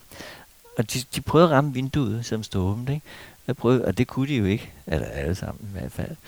Og det, det husker jeg også som en af de der store oplevelser. Jeg tænkte, det var sgu så trættende, og at det var ikke særlig hyggeligt, vel? At, at det der det skete. Men dengang, øh, altså senere hen, da vi rejste til Kina, der, der blev vi sådan flere gange faktisk snydt, ikke? Af, ligesom man gør i Indien altid, ikke? Altså hvor nogen sælger en noget, og så er det faktisk noget helt andet, man ja. får, ikke? Men, øh, men det gjorde man ikke dengang. Nej. Og dengang, det der med tyverier, sagde de, det, der skete ikke noget i dag. Der, det ligesom alle mulige andre steder, der kan man risikere at blive bestjålet. Nu har du rejst rigtig, rigtig meget der og vendt ja. tilbage til, hvad jeg kan fornemme i dit lange virke, du vender tilbage til mange af stederne igen. Jo, det gør Er det nysgerrig for, hvad der er sket, eller er det fordi, du vil vise andre det? Eller er det, ja, er det er, altså, jeg blev så øh, sammen med min nuværende kone i 30 år siden, ikke? og så ligesom Øhm, jeg synes, det kunne være sjovt at vise hende de steder. Ja, ikke? I blev gift i 91? Ikke? Jo, ja, det er helt ja. tilbage der. Ja. Og så, og, så tager du hende med ud ja, og ligesom... Ja, og det har jeg gjort ved mange af stederne, ja. og, og jeg synes, det har været en stor fornøjelse ja. at, at se dem igen. Og, og hun har også været med på, på mange af de rejser, hvor jeg har lavet bøgerne og sådan noget, ikke? Og nogle steder er jeg så kommet første gang, og, og, og så der er ikke blevet til noget. Og så kom anden gang og taget de billeder, jeg skulle tage, og så har jeg fået lavet bogen færdig. Ja. Men det er rigtigt, altså vi holder rigtig meget af Østen i det hele taget, og har stort set været... Vi fandt lige ud af for nylig, vi, det eneste land, tror jeg, vi ikke havde været i derude, det var Laos. Så det var også en af grunden til, at vi muligvis tager, eller vi tager til Thailand nu, ikke? Altså, så kunne vi muligvis uh, lige tage en uge over, og så lige se Laos, ikke? I dag er det jo blevet det der med at se, og så måske lave en lille artikel eller to, eller sådan noget til, til nogle blade, ikke? Og så, øh, ja, det er så det, ikke? Ja. Altså, men hvor mange gange har du været i Indien? Det er også virkelig Ja, fire gange tror jeg, jeg har været. Ja, måske fem, det ved jeg ikke. Hvad er Men, ændringerne der i det, du oplever? Ja, jamen ændringerne er, ja, ændringen, det er fire år siden, tror jeg, vi var der sidst. Ændringen var, at jeg havde fået en eller anden forventning om, for det, står der jo, ligesom der står med Kina, hvor det passer, at nu går udviklingen rigtig godt, nu får folk mange penge, og nu, nu er landet blevet mere velstående. Og, og mit indtryk af Indien var, at det var gået lige modsat. Når man kommer på gaden der, det er et kaos af, af mennesker og fattige folk, og sådan i Kina er det velordnet, i Indien, det er stadigvæk blevet meget, meget værre. Ja. Og for eksempel, Bangladesh synes jeg så er det værste af alle lande, det må jeg sige. Altså, jeg kan huske, jeg kaldte det verdens røvhul dengang. Det kan jeg simpelthen slemt, ikke? Og da jeg var derude der i 75-76, der, der, der var der 75 millioner mennesker, ikke? Altså det, og landet er sådan cirka to og en halv gang Danmark, ikke? Når det sådan ikke er helt oversvømmet. Og øh, der kan jeg huske, at jeg rejste en del med svalerne derude. Og der sagde vi, at der kan ikke være flere mennesker. Og jeg tror, der er 180 millioner i dag. Ja, altså, og, og dengang, jeg, det var så også en af de, hvor du siger, de der spontane, hvor jeg ikke har forberedt mig rigtigt. Og jeg kom ud i Dhaka, og gik på gaden der. For det første var der jo alle de der cykelritavler, hvor jeg tænkte, kan man tillade sig at cykle med dem? Men det var altså den måde, man kommer frem på i byerne derude. Det er jo med cykelritav. Der var ikke de der running ritual, dem har jeg senere set i Calcutta, men det var der ikke dengang. Øh, sådan noget var de alligevel kommet lidt videre derude. Men da jeg stod på gaden og tænkte, hvad er det, der er galt her? Et eller andet helt forkert, ikke? Og så opdagede jeg, at stort set alle sammen var mænd. altså, der, var, der var ingen kvinder på gaden. Øh, I Bangladesh går de ikke tilsløret, eller det gør de faktisk ikke. De har ikke niqab og alt det der. De, de er der bare slet ikke. De går ud om natten, og så bliver de båret ud i kasser, hvis de virkelig skal ud, ikke? Eller sådan nogle ting. Ja. Altså, det, det er meget meget det. mærkeligt, når man Ja, sådan. det, det er meget, altså det er virkelig kvindediskriminerende, ikke? Altså, Hvad med i Indien på den front? Jamen Indien har ser du mange kvinder, ikke? Jeg, altså, jeg har været der en gang Ja. i 12. ja, Men, men det kan jeg jo ikke sammenligne med noget jo. Men, men, Nej. men, men jeg synes bare, man hører så, i forhold til hvad, det billede, jeg havde af Indien, som det her meget frisindede land, jo, ja, meget, meget åben. ja. Og der har været Ja. utrolig mange sager med Ja. voldtægter. Jo, og men alt det, det, det, det er ikke så slemt som Bangladesh, fordi kvinderne er trods alt med. Ja. i meget høj grad. Ikke? Men, men jeg synes, det der kaos, altså for nu ved jeg ikke tallene derude, men de er jo blevet over en milliard, ikke? Så, men, men jeg synes bare, det blev værre i, i Indien, end, øh, end det var tidligere. Ja. Hvor det i Kina, synes jeg, altså de to gange, jeg været der, altså i dag er det jo, altså der er jo styr på det, ikke? Altså ja. også med børn og sådan noget, og det har de jo slet ikke i Indien. Og netop øh, både i Indien og Bangladesh med voldtægter, og jeg ved ikke hvad, at det går, altså kvinderne er virkelig øh, langt nede i, i hierarkiet. Også i Indien, men der kan de dog gå på gaden. Ikke? Ja. Jamen, jeg, jeg oplevede det ikke. Det er jo først, når jeg har hørt om efterfølgende, hvor, hvor Jamen det er bare, altså Ja. det, alt er jo lidt relativt i den verden, ikke? Ja. Altså, men, men i forhold til, hvis du sammenligner Bangladesh, som jo er muslimsk, Ja. ikke? Og så Indien, der er hindu, så er der altså himmelvid forskel, Ja. ikke?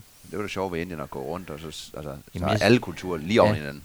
Jo, men også det, ja, men det, jeg synes, jeg, jeg ved ikke, om der er alle kulturer, men, men øh, der er et farverigdom Ja. af, af og, og det, er jo, det er jo spændende at se, men det, med alle de der døde, jeg var der i, sidst vi var der, var vi der i februar, jeg ved ikke, hvad vi havde tænkt, det er igen, vi ikke altid vi lige forbereder os, men, men vi havde jo sommertøj med, Ja. og det var altså 2-4 graders varme i februar, det er jo fastlandsklima, det, jeg ved ikke, hvorfor vi ikke har tænkt over, men folk lå af døde kulde Ja. på gaden med det der, ikke? de lå under de der sækkelærer, og og pff, de kom slæbende med, med folk, der var døde og sådan noget. Ikke? Altså, Jeg kan næsten ikke snuppe det mere, vel? Og selvfølgelig kan man lade være med at se på det. Det er også det, de fleste turister gør. Og det gjorde vi også den ene dag. Vi tog ud til Accra for at se Taj Mahal. Og jeg må indrømme, altså, man står der og tænker, hvad fanden er det, du har gang i? Ikke? Den ene dag ser du det mest pragtfulde palads, ikke? Og den næste dag, der står du og vader i halvdøde mennesker og børn, der øh, øh, fuld af sorg og alt muligt andet. Det er næsten, kontrasten er for stor, synes jeg, til jeg kan magte den Ja, mere. men du har også oplevet det mange gange her. Ja, jo. Ja. Jeg synes, nu var jeg jo ikke noget specielt Nej. sted inde, men der gik vi bare, de der kontraster, vi, jeg var på noget yoga-ting, ude ved sådan en, Ja. et ferieresort for mange indre. Ja, Så har vi den ene ende, der lå sådan en luksusresort, hvor Ja. de spærrede stranden af, ja, og, og så hvis du gik lige lidt sydpå, som ikke ret mange gjorde, så gik du ind i fiskerbyerne, ja, hvor det bare var ja. virkelig, virkelig fattigt. Ja, det er det. Og, og, og på så kort afstand, Ja. hvor du bare kan se, jamen, som du siger, hvis man ikke bevæger sig rundt, så Ja. er man bare i den ene Ja. del. Og hvis man bare lige går ud, hvor de sådan kigger, hvor, hvorfor kommer de Ja. her? Ja, og hvor går han hen der? Ja. Og det så. Jamen det er trafikken også, altså de, det er jo, altså de kører jo i højre side og venstre side og, og med hornet i bunden, Ja, ja, jeg ved ikke hvad, det, det er så Hurtigst og rejsefuldt, størst. Ja, ja. Men hvad, hvad så med, med Nepal? Der har du et stort hjerte for. Ja, jo, men det synes jeg, det er jo igen øh, sådan øh, buddhister og hinduer, ikke? Altså, som er trods alt meget lettere. Og i, jeg kan huske, når, øh, også første gang jeg var i Bangladesh, der, jeg var så deprimeret, så jeg tog op til, til Nepal. Og, og de er lige så fattige, tror jeg, øh, som de er mange steder i Bangladesh, ikke? Men de har et helt andet sind, ikke? Altså, og de, de, de er venlige, og de er åbne, og, der er også kvinder og mænd og alt muligt andet. Og så er der mere plads, ikke? Ja. Altså, det er jo ikke den der sammenbygning af, af meget fattige mennesker på den måde. Og øh, så er det jo en storslået natur, Ja. ikke? Og, og det er jo som at komme ind på et, et stort museum. Altså nu var vi jo så under jordskælvet, hvor tre af de store templer i, i Kathmandu, altså i Durban Square, de, de, de faldt sammen, ikke? Vi var der lige inden. Vi, vi tog hjem fire dage før jer. Ja. Så vi, vi Ja, tog hjem lige inden. Og så. Ja, men det var, altså jo, altså det, men, men det var der en oplevelse, ikke? Ja. Men, men øh, man kunne man godt have undværet. Ja, det var, nogle, øh, Ja, det var, de- vildt at se de billeder, du havde fra tempelområdet. Ja, altså. ja det, det var slemt. Så vi havde været inde ved Mandeslug og gå der rundt, og det var jo lige Ja. i center. Ja, Så vi var jo ja. heldige, at vi Ja. havde afsluttet Jo, det. vi havde også, vi havde jo siddet oppe i de templer og havde lavet om på dagene, Ja. tilfældigt jo selvfølgelig, ikke? Altså, hvor, hvor vi så tog ud på et alderdomshjem det dag. Vi skulle have været ude i Bhaktapur, som blev endnu mere ødelagt end, end uh, Kathmandu. Ja. Og der, der, der, der, havde vi også været ude, men vi ville tilbage derud, og- der havde vi siddet op på en restaurant i et af de templer der. Vi var aldrig kommet ned ad trapperne, det var sådan små bitte Ja. trapper ned, ikke? Så det var noget værd noget. Men øh, ja, det er jo så en af de oplevelser, ja. man kommer ud fra. Jeg har været der i, hvad er det så, 2001, og så til igen. Ja, Det er ja, for to ja. år siden. Men der, der kunne jeg allerede se, altså ligesom i andre lande, de bygger jo selvfølgelig ud, så der Ja. kommer flere og flere veje, altså Ja. længere og længere ud, hvor Jo. man har vandret førhen. ja. Så det bliver sådan en, det synes jeg, jeg mærker meget ved Nepal her, altså elsker at være ude på Ja, landet, ja. Og, og der er et eller andet ved at se den der gamle kultur med landbrug og sådan noget der. ja. Men fordi de vil også gerne have bedre, så bygger man jo vejene længere og længere ud. Det vil sige, at man mister noget af det, som turisterne Jo. gerne vil have ja. for fremskridtet. Så Ja. det, det er en svær balancegang, hvor man tjener pengene, ja. Og hvad man skal gøre, ikke? Men det er jo det, du ser overalt i verden, ja. ikke? Altså, folk vil jo gerne have det bedre, og infrastrukturen bliver jo meget hurtigt. Ja. Og nu også for eksempel i Grønland, hvor byer, bygderne er ved at gå til, ikke? Ja. Ja. Altså, hvor man også for selvstyret i Grønland ser på, at øh, bygderne kan jo ikke betale sig. Nej. Og vælgerbefolkningen er jo de store byer. De er jo ikke interesserede i at betale til de originaler, der sidder derude, vel? Så de nedskærer skoler, de nedskærer øh, øh, ja, ja, og, og købmænd, og, og varerne bliver dyre, det er især det, det der har været problemer også, ikke? Og, og færgeruterne bliver skåret ned, ikke? Og det er da rigtigt, der bor ikke så mange mennesker derude. Men tidligere gik man meget højt op i, at det var der, den grønlandske kultur overlevede, ikke? Det gør man ikke mere. Lige nu i Grønland skal man også bare have en tanke på, hvad, hvad skal fremtiden være? Vil man kun have 3-4 byer? Ja, Eller hvad jamen man? det tror jeg. Ja. Måske ikke 3-4, men Nej, altså men de der godt. 10 byer, der måske er... Bygderne Ja. har jo en, en stor central betydning på andre måder, ikke? Jo, Hvor jeg, hvor jeg sådan tit, min store kæphest deroppe, det er jo, at jeg kan simpelthen ikke forstå, at der ikke er satset mere på net og, og fjernundervisning. Ja, og, ja, og fordi ja, ja. så kunne man holde folk ja, nogle, nogle livlige Ja. steder. jo. Jamen, det er jo mange, der gerne vil bo i Sakrak, altså, men du ved, også fordi det er et trygt sted at bo i forhold til byerne, der tit kan være altså, rimelig sådan urolige, ikke? Altså, og farlige for børn, ikke? Altså, hvad de kan havne ud i af problemer. Men øh, jeg kan jo se også øh, hos os selv, ikke? At, folk, de sgu meget rart med en vaskemaskine og et toilet, der skyller ud og sådan noget, ikke?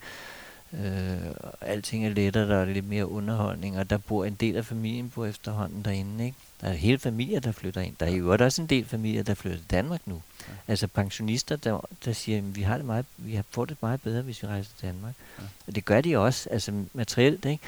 Men at deres pension er bedre her, end den er der på en eller anden måde, ikke? Og, og, men men de, de bliver underligt rodløse af det, ikke? Det er også noget, vi lige skal vende tilbage til måske, at, at Grønland har du egentlig holdt fast på lige Ja. siden jo. Jo, det har jeg. Ja. Ja. vi har jo sat et hus deroppe, jo Ja. ikke, som vi har haft i 25 år nu, ikke? Og øh, vi har været to gange deroppe inden for det sidste år, ikke? Både sommer og, og vinter her Ja. ja. til sidst, ikke? Og der er altså ved at ske rigtig også mange ting.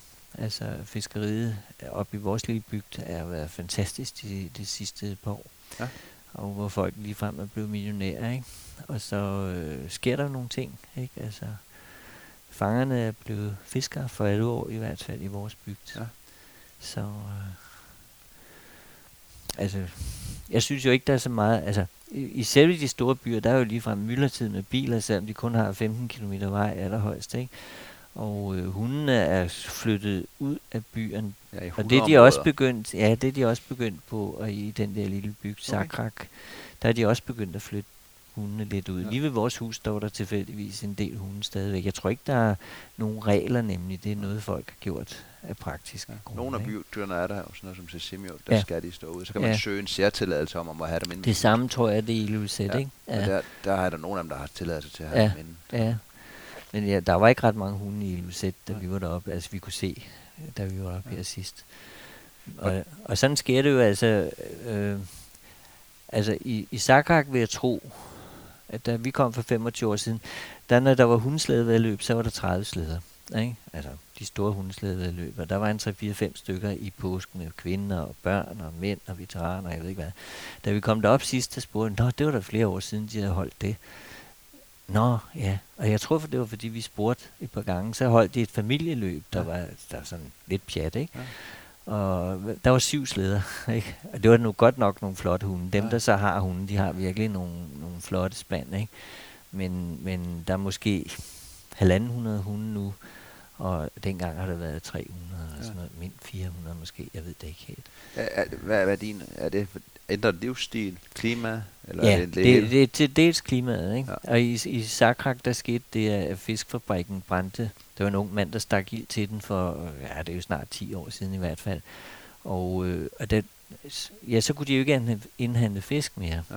Men så Royal Greenland bygget sig eller noget sådan et, et fryseri, og så kunne de jo så fryse fisken, ja. hvad de så gør i stor stil nu, ikke rigtig mange. Men, når de ikke fileterer dem, så er der ikke noget affald, og det vil sige, så er der ikke noget hundefoder. Nej. Det vil sige, at folk skal til at købe Købe. hundefoder.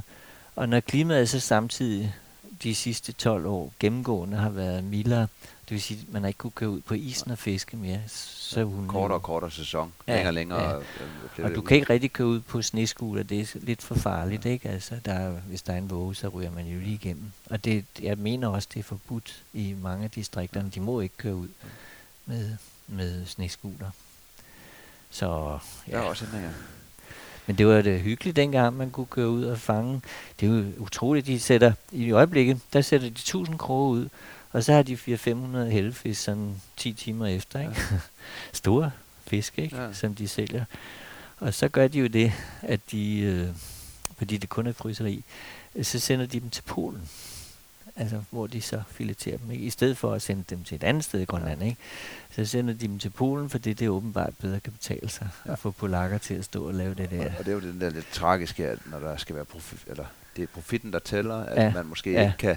Jo, men samfundsøkonomisk holde- kan det ikke betale Nej. sig, fordi der går arbejdsløs der, Det er som skal have noget Og det, understøttelse. og det er det, man glemmer nogle gange. Ja, Fordi men- så er det et firma, der skal tjene penge, Ja, og så det- glemmer man det større. ja, det er jo et Og- aktieselskab over i Greenland, ikke, Ja. som aktionærerne skal tjene så meget som muligt. Og hvis der så var flere i arbejde, så vil der blive flere penge Ja. rundt i bygderne ja, ja, til alt jo, det andet. Ja, Så det er jo en ond cirkel, man... Ja, og det, det, det tåbelige med det er, at det faktisk er, er, selvstyret, der ejer ja. Royal Greenland, ikke? Altså, de kunne godt, altså... Og lidt det samme med skoler. Hvis skolen ikke er god i bygderne, Ja, ja. så, så flytter man også. Ja, skolerne er også blevet dårligere, ja. det er de. Altså i vores byg, der var der, i Sakrak der, der var der 65 børn, tror jeg, da vi var deroppe for 25 år siden, og nu var der 16 Ja. og fem lærere. En ting, vi ikke har vendt, det er, at jeg ved, du har lavet, du har også lige nævnt det kort, sindssygt mange radio. ja, det har jeg også. Ja. Hvordan, hvordan startede det, og hvorfor? ja, det startede egentlig helt tilbage der i, i også i 71, hvor Miki også Ja. kom, min første bog. Øh, der, der lavede jeg hørespil til Danmarks Radio. Ja. Og, øh, og dengang sad man jo og klippede båndene, og, og der spurgte jeg, om jeg ikke ville med ind og se sådan noget, hvordan de producerede den der, hvordan de klippede min hørespil sammen Ja. og sådan noget. Og der var nogle fremragende klipper på det tidspunkt, ikke? Altså, hvor man virkelig sad og klippede sådan nogle, nogle bånd. Og så kunne jeg jo se, hvordan de gjorde, og jeg kunne se, hvordan de, de byggede udsendelser op. Og øh, nogle af mine hørespil er sådan mere montagelignende, og det var sådan noget, jeg ligesom slog mig på i begyndelsen især. Lave nogle montager om forskellige ting og forskellige lande, meget øh, Grønland og, og øh, også for Bangladesh, og jeg lavede, jeg lavede ja, over 100 i hvert fald øh, radiosendelser, mest dengang, der hed, hvad så var det hed? Ja, Nej, nu kan jeg ikke lige komme i tanke men, men det var de der formiddag, eller eftermiddagsprogrammer til program 1, som, øh, som jeg lavede en del til, Ja. ikke? Så- Sådan tre udsendelser, montagelignende ting, Hvor klippet du rejser sammen. rundt og fortæller om Ja, stederne. ikke, jeg, jeg stort set er, er live, og- live, ikke live på, men altså jeg, jeg, jeg bruger det. og, ja, du går og fortæller Ja, herude, og jeg, for, jeg høre, sætter mig ikke ind i studiet. Nej, man kan og, høre og, trafikken og ja, børnene. sådan nogle ting. og- Ja. Ja. Og det så senere hen, så, så, så blev det bare sådan, at, at øh, Det var et andet spor siden Ja. af... Ja, og der, på et tidspunkt, så sagde de, at det det var nok ikke så godt, fordi jeg, jeg kunne ikke, da det så blev digitalt, det kunne jeg ikke lige. Altså, jeg mener, jeg lavede måske 3-4 udsendelser om året, ikke? Og så sætte sig ind i hele det der digitale øh, måde at klippe på i dag, det kunne jeg ikke. Men så sagde de, "Jamen, så var okay, så fik jeg en tekniker på Ja. til at, at samle det. Så lavede jeg manuskripter på det, og så s- klippede vi det sammen på den måde. Og var det på samme måde, når du rejste ud? Så, så vidste Ja. du, at hvis du fik noget godt med hjem, så kunne du lave en radio, eller Ja. havde du planlagt det, inden du Nej, nej, ikke, det havde jeg ikke. Udover, at jeg selvfølgelig havde en eller anden optager øh, optager med, ikke? Altså en Nagra eller, eller øh, nogle andre af de der ting, og i dag de der små bitte digitale Ja. ting, som er Og meget... så rendte du bare rundt og optog, og så, så var det både til radioprogrammer og en Ja. slags research til dine bøger. Og Ja, Ja. Det, det, det var det. Det er en god ja. kombi. Jamen, det var det. Jamen, Ja. det gav os jo nogle store oplevelser også her de senere år, Ja. ikke? At vi havde de der kontakter, Øh, også hvis du var, hvis, hvis Danita havde givet dig et stipendie, så havde du også en god kontakt til, øh, til ambassaden, ikke? Som, som så kunne sige, jamen vi har en mand derude, øh, vi ringer lige ja. til ham eller sådan noget, og så spørger om du ikke kan komme ud og besøge ja. ham nogle dage, ikke? Og sådan nogle ting gjorde vi og jo det så. er primært øh, de senere år af Panorama og Vista, Ja. du har lavet. Jo, det er panorama. Ja. Altså, Ja, og der er nogle enkelte af dem, der Familiespejlet hed den Ja, der udse- udsendelsesserie, jeg lavede rigtig mange til, ikke? Jeg skal nok lige smide nogle link til nogle af de få udsendelser, der ligger tilbage jeg på ved- Panorama. De er ja, desværre de- slettet nogle af dem. Ja, jamen jeg ved sgu ikke, om de sletter dem, eller... Altså, det, jeg har også rodet efter dem, Ja, fordi jeg har i hvert fald fundet et par stykker, bruge, men- ikke? Ja, Men det, det, ja. jeg tror, Nej, jeg laver noget det- i deres ja. Desværre. Ja, jeg synes også, det er noget mærkeligt noget, hvis det er helt væk. Men altså på Statsbiblioteket i Aarhus, der har de nu Ja. ja. udsendelser, mange af dem faktisk. De, jeg fandt, de fandt jo min Vestindian udsendelse her for Ja. nylig, ikke? Det er jo dejligt nok, når du, ja. Ja. du har udgivet så meget.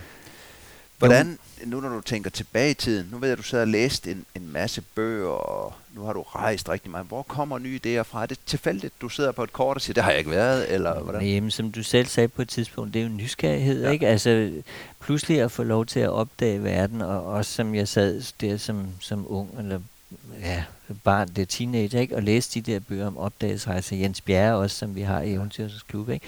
Altså, de der folk, vi, vi så de der forestillinger i, i uh, cirkusbygningen, og, og det, an, det var anden juledag, der måtte man ikke vise rigtig film. Så så vi de der rejseudsendelser, ikke? Så får I derinde og se dem. Ja, Ja, det må vi ind og ja. se, ikke? Altså, Nej, fordi, ja. altså, hvor han står og, Ja. og slås med slanger, og, og senere kommer Disney-filmen, hvor de også havde de der naturudsendelser og sådan noget, ikke? Og, og, og det synes jeg var spændende, ikke? Og, Ja. ja. og det hele taget er det nysgerrighed nok, der har drevet øh, mange ting, Ja. ja. og det er det stadigvæk, altså. Nu når vi skal rejse nu, ikke? Altså nu bliver det så, ja, vi er jo blevet ældre, ikke? Så vi skal måske lige, men altså, vi, normalt går vi ned og kigger på et verdenskort, og siger, hvor er det, vi ikke har været. Ja. Ja. Ikke? Og så tager vi nok dertil. Jeg har tænkt på at, at måske øh, i vinter, og sådan noget, vi tager måske til Chile. Ikke? Ja. ikke så meget for Chile, men jeg kunne godt tænke mig at se påskeøen. Ja. Ikke? Vi har været Åh på ja, Galapagos også og sådan noget, ikke? Ja, ja jo, jeg ville bare Ja. ja. godt se den. Jeg tror ikke, der er så meget at se, altså anden, det, det er de ting, som der er Ja. på Galapagos, viste det sig, der er utrolig meget at se. Ja. Men, men jeg kunne bare godt tænke mig, og så i landet måske dernede, ikke? Altså, Og, og, og lige det har vi selvfølgelig ikke været, men du kom jo ind i Eventyrenes Klub i 2009. ja. Hvordan var det egentlig, at der kom ind dengang, øh, og så Ja. møde Jens Bjerre og nogle Jo, altså jo, men det er jo altid, det, det er jo spændende, ikke? Altså, og det spændende ved, ved Eventyrens Klub, det er jo også, at de fortæller, og man kan selv fortælle, ja. ikke? Fordi når, når vi kommer hjem, og det har da været sådan lidt af en skuffelse en gang imellem, ikke? Mine børn gider ikke køre på det mere, vel? Altså, jeg kan vise dem 10 billeder, hvis, hvis de er heldige, så, så kigger de på dem, ikke? Men de gider ikke at høre, fordi altså, jeg synes, vi har nogle fantastiske historier. Dem kan jeg så få lov til at fortælle om Ja. i radioen og sådan noget, eller en små artikel eller sådan noget, ikke? Men, øh, men der er ikke mange, der ellers gider høre. Men det kan man i Eventyrens Klub, ikke? Det er det gode, ja. Og der kan man også udveksle erfaringer. Hvordan gjorde du der, ikke? Og hvordan, ikke? Altså, øh, nu Alex, der lige har været i, i Vestindien igen, ikke? Altså, nå, jamen, hvordan gik det, og hvad snakkede du med dem og dem, ikke? Ja. Som man kendte derude, ikke? Og, og hvordan, når du så, nu siger du, at i barndommen, der var Jens Bjerre din inspiration. Ja, I dag, andet Knud Rasmussen ja. og Jens Bjerre. hvad er din ja. inspiration i dag? Er det nysgerrigheden? Ja, det er det nok, ikke? Altså også fordi jeg er nået op i en alder, hvor jeg har oplevet nogle ting, som du for eksempel ikke har oplevet, Ja. fordi jeg har været meget tidligere ude, ikke? Og øh, ja, og, og sætte nogle ting på plads. Altså sidste gang vi tog til Kina, det var lige så meget, fordi nu vil jeg se, hvad, hvad der nu skete, for jeg kunne jo se, der var sket en hel masse, ikke? Og ligesom få tingene på plads i. Også fordi jeg selvfølgelig synes, det er stadigvæk er et spændende land, ikke? Ja. Der er ikke mange lande, der kan matche det, og sådan er der jo nogle af stederne, ikke? Øh, ja, altså nu tager vi så til Thailand, men det er sådan mere en ferietur, hvor vi tænker, nu skal vi lige ud og, og se, for det er også en flot kultur, Ja. eksotisk kultur, ikke? Har Også jeg ikke oplevet, men jeg hører kun godt om det. Ja, altså Ja. godt og godt. Der er jo mange turister, Ja. ja. ikke? Og sådan er det. Hvordan, altså nu har du jo virkelig været mange steder i verden, og det lyder også til, at du, du bare kaster dig ud i det. Ja, det gør vi sådan Hvordan har set. Du stort set altid kommet godt fra det der. Du har ikke oplevet Ja. ret mange negative ting. Nej, ikke andet så jordskælv, ikke? sult og død. Og sådan. det har jeg det jo har du, men, men ikke men ikke selv. menneskerne. Nej, ikke noget, nej, ikke noget. Jeg husker for eksempel, da jeg rejste i, i Ghana der, hvor det var meget fattigt i nok i 80'erne har det været, ikke? Altså, hvor jeg jo netop kørte rundt på tommefingrene, så blev taget op øh, nogle sorte med en bananvogn, sidder op på ladet der, så kører vi der ikke, hvor jeg tænkte, altså jeg sad med 30.000 eller sådan noget i kameraudstyr ja. og radioudstyr, ikke? I min billige plastiktaske, ikke? Det skete jo ikke noget. De kørte mig pænt hjem ja. og sådan nogle ting, ikke? Øh, hvor nogle tyskere også, også igen jo, satte mig af midt på motorvejen, ikke? Nu skulle de den vej. Og inden jeg fik tænkt mig om, så stod jeg der i natten, om natten der, på sådan ikke, men noget, der lignede en motorvej ja. i hvert fald, ikke? Og de kom jo kørende der uden lygter på og alt muligt andet, ikke? Og til sidst så var der altså den der bananmål, der stoppede, ja. ikke? Og tænkte, nå, nu tager de sgu da det hele frem, ja. og der skete ikke noget. Kører bare videre. Det var herligt, at, ja. at man kan... Ja. Ja. Nu... Men i det hele taget kan man jo være ro. Altså, man, de fleste ting kan man jo. Der er, ikke, der er ikke så meget at være bange for. Bare man ikke ligner en rig turist ja. og kameraer på hængende. Jeg pakkede altid kameraet ned, når jeg var færdig med det. Ikke? Ja. Men nej, der er ikke rigtig... Ikke. Der er sket i København, at vi har fået røvet bilen en gang, lige efter vi kom fra Bali. hvor vi også på Bali, hvor vi kørte rundt med nogen på motorcykel. Ikke? Og, og hvor man tænkte, de kunne sgu bare lige køre hen og så tage vores penge i hvert fald. Ikke? Og så kommer vi hjem til København, og så står bilen en halv time nede på gaden, og så, så er, det er alting stjålet. Ikke? Ej, også dine ja. billeder. Ja, og min computer havde en lille computer med på det tidspunkt. Ikke? Altså det hele var væk. Ja, ikke? Det altså, ja. Hvordan, øh, når du så rejser, det er, jo, er det noget, du aldrig rejser uden? Har det, har, er det sådan Når rejser? Ja, nu ved jeg, du har dit kamera med, og ja. din optager ja. med, men er du overtroet på nogen måde, eller har du altid et eller andet dagbog? Jamen, det har jeg så ikke mere, vel? Jeg har, ikke, øh, jeg har det ikke mere. Altså, jeg har kamera med ja. selvfølgelig, og øh, også til at tage nogle billeder til artikler eller sådan noget, ikke? Men, men jeg har ikke, nej, jeg er slet ikke overtroet overhovedet. Ja, det, jeg, jeg synes, det er, det er også det, jeg har aldrig været bange for noget, det ligner heller ikke. Ja. Øh, når vi rejser, altså vi, vi rejser altid ud for den tro, der er nok ikke nogen, der gør sådan noget. Ja. Da vi var i Filippinerne for nylig, hvor vi gik rundt, vi fik jo meget advarsler, vi gik rundt i Manila der bag i gaderne der, og nu skulle vi bare finde et sted at spise og sådan noget, ikke? Og de står jo helt, ej, går, I, går ikke rundt der, ikke? Og i Bangladesh, ambassadefolk var helt oprevet over, vi tog ned til floden, ikke? Og, og gik rundt der og fotograferede og sådan noget, ikke? Og tog en rigshav tilbage igen og sådan noget, ikke? Det kunne de ikke drømme om. Og der er der også noget sikkerhed for dem, ikke? Ja. Altså, men, men hvad føler du, øh, føler du nogen forskel, når du blev ældre? Ja, er, er der mere respekt for jer, når du Nej, det, det synes jeg Nej. ikke. Ikke, mere, ikke specielt mere respekt. Vi, nogle gange har jeg indtryk af, at vi nærmest er usynlige. Ikke? Ja. Altså, altså på den måde. Ja, at, når der at, kommer nogen, så... Ja, ja. ja. ja. I Bangladesh, der, det er jo svært at være usynlig, for der er jo ikke så mange turister. Altså når du tager kamera frem der, ikke? så står der, altså det, det er jo muslimer, men der står altså en million mennesker, ja. som gerne vil ind i billedet, så ja.